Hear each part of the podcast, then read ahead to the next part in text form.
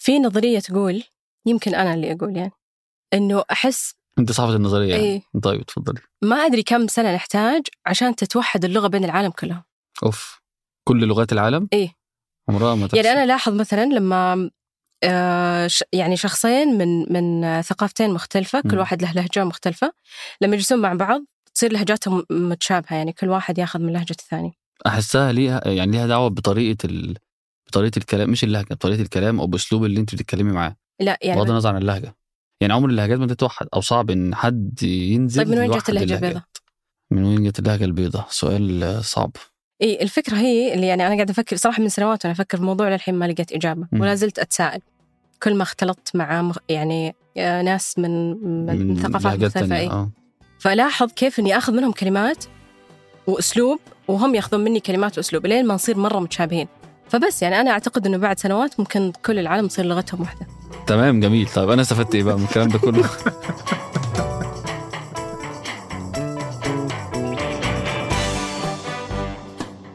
ده بودكاست الفجر من ثمانية. بودكاست فجر كل يوم نسرد لكم فيه سياق الأخبار اللي تهمكم. معكم أنا شاب سمير. وأنا بشاير القطيفي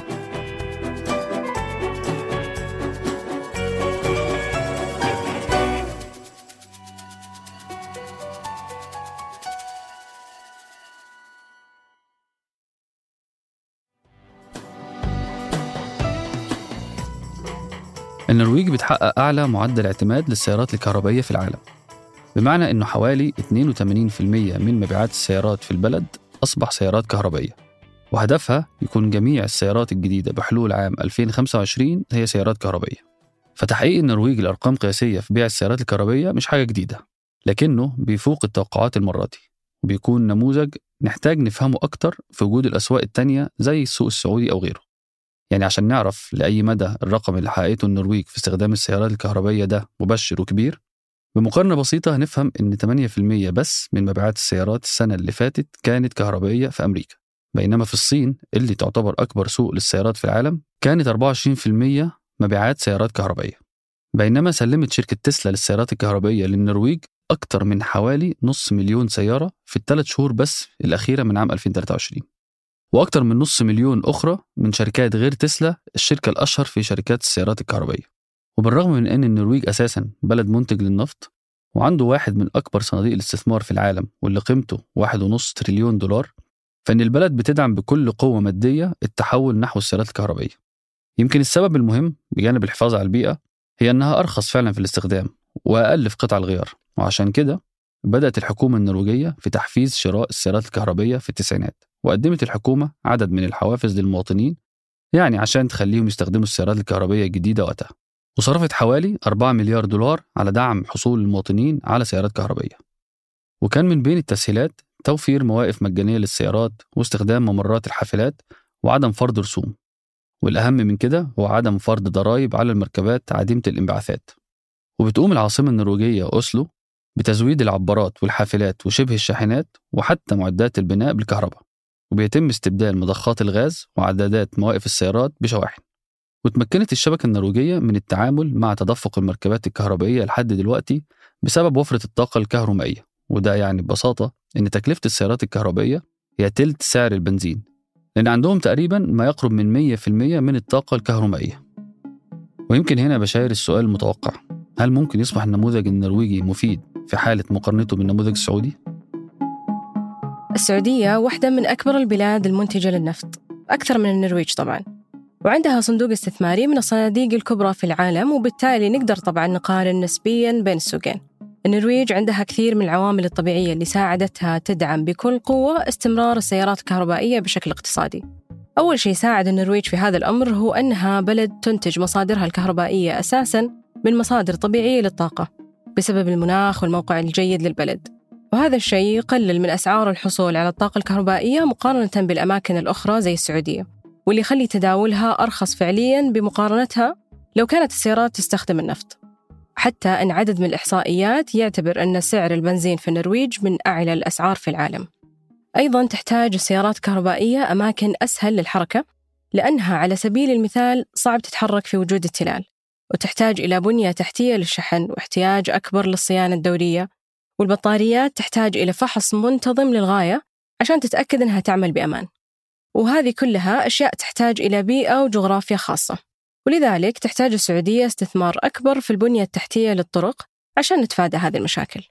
وبخصوص شكاوي ارتفاع الأسعار مثلا استثمرت السعودية إلى جانب شركة لوسيد في شركة محلية أخرى للسيارات الكهربائية.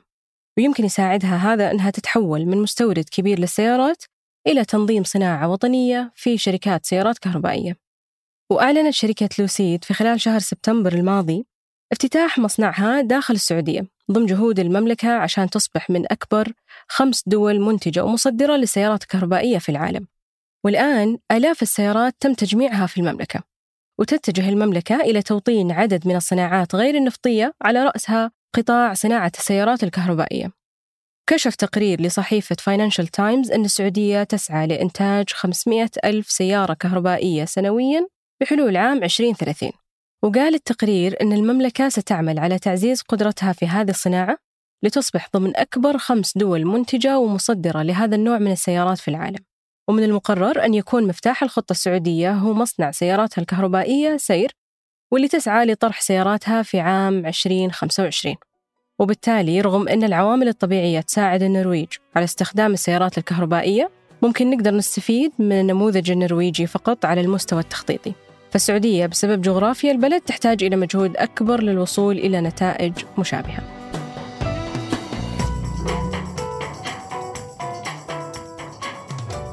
وقبل ما ننهي الحلقة دي أخبار على السريع. الحرب المستمرة من عشر شهور في السودان بين الجيش وقوات الدعم السريع دمرت البنية التحتية للبلاد تقريبا. فبتقدر دراسة أن الخسائر المالية للنظام الصحي بلغت 700 مليون دولار. ف70% من المستشفيات أصبحت خارج الخدمة بسبب استهداف بعضها بقصف مدفعي قوي. كمان كانت المستشفيات اللي ما استهدفتش مبانيها اضطرت لتعليق خدماتها بسبب انقطاع التيار الكهربائي ونقص الوقود اللازم لتشغيل المولدات. كذلك الإمدادات الطبية بالإضافة إلى النقص الحاد في العاملين بالقطاع الصحي. وبيقدر خبراء الاقتصاد في السودان أن الخسائر الاقتصادية بسبب الحرب أكثر من 9 مليارات دولار أي ما يقرب من 100 مليون دولار يوميا. في حين بتقدر قيمة الممتلكات والسلع المنهوبة بنحو 40 مليار دولار إضافية. وبيقول الخبراء إن اللي بيحصل في السودان مش هيفضل في السودان بس. فتبدو أن تشاد وجنوب السودان معرضتين بشكل مباشر لخطر التداعيات المحتملة. يعني على سبيل المثال أعلنت تشاد حالة طوارئ غذائية في جميع أنحاء أراضيها. مع تدفق أكثر من نص مليون لاجئ. وكمان تعتبر جنوب السودان من الدول اللي هتتأثر بنزوح السودانيين حتى أنه هيزيد نزوح عشرات الآلاف من انتشار الأمراض والزيادة في الأسعار فضلا عن التوتر ما بين المجموعات العرقية حول الأرض والموارد الطبيعية. ودعت منظمة الصحة العالمية إلى اتخاذ إجراءات عاجلة لمعالجة الأزمات الصحية والإنسانية المتفاقمة في السودان وطالبت المجتمع الدولي بزيادة المساعدات المالية. أعلنت الرياض أن النظام المترو الجديد راح يتم افتتاحه في هذا العام. ويقول مدير عام إدارة المدن الذكية بالهيئة الملكية لمدينة الرياض ماهر شيرة أن نظام المترو اللي تبلغ تكلفته 23 مليار دولار سيوفر جزء من نظام نقل ذكي جديد يدمج المترو والحافلات. ويتضمن أول مترو حصري في المملكة ستة خطوط آلية 60 كيلومتر منها تحت الأرض. وراح يصبح أكبر شبكة نقل عام في المنطقة لما يتشغل. ويساعد نظام المترو الجديد في تسهيل الحركة بين الأماكن داخل مدينة الرياض واللي متوقع تقلل الزحام في أوقات الذروة. وفي حدث نادر على الانتخابات الأمريكية حصل عدد من المرشحين المستقلين على أصوات عالية من الناخبين. ومن بين المرشحين المستقلين اللي بيسعوا لقلب النظام الثنائي المعروف بين الجمهوريين والديمقراطيين في هناك مثلا الناشط كورنيل ويست وروبرت إف كينيدي جونيور هو ابن أخو جون كينيدي. والشعب الأمريكي ما انتخبش رئيس مستقل من أيام جورج واشنطن لكن يبدو أن الجمهور اللي بيوجد فيه عدد كبير غاضب من المرشحين الحاليين ترامب وبايدن أصبح منفتح أكثر من أي وقت مضى للنظر في أسماء المرشحين المستقلين اللي يمكن أنهم يأثروا في انتخابات السنة دي. وبينت استطلاعات الرأي المتعددة أن الناخبين لا يرغبوا في إعادة مباراة ما بين بايدن وترامب. وأنهم على استعداد لتقييم العديد من السياسيين اللي بينموا خوض حملات مستقلة أو حملات لأحزاب بعيدة عن القطبين الديمقراطي والجمهوري. وبيشوف المحللين إن مفيش حد من المرشحين المستقلين عنده فرصة كبيرة لدخول البيت الأبيض في نوفمبر المقبل لكن يمكن لنسبة أصواتهم إنها تأثر باتجاه أو بآخر في الانتخابات المرتقبة. وبيخاف الديمقراطيين بشكل خاص من تأثير سلبي محتمل للمرشحين المستقلين زي ما حصل في انتخابات 2016 لما تسببت أصوات مرشحة الحزب الأخضر جيل ستين في خسارة هيلاري كلينتون قدام ترامب.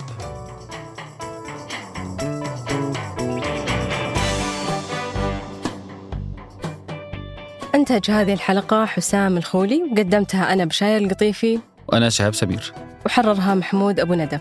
نشوفكم بكرة الفجر.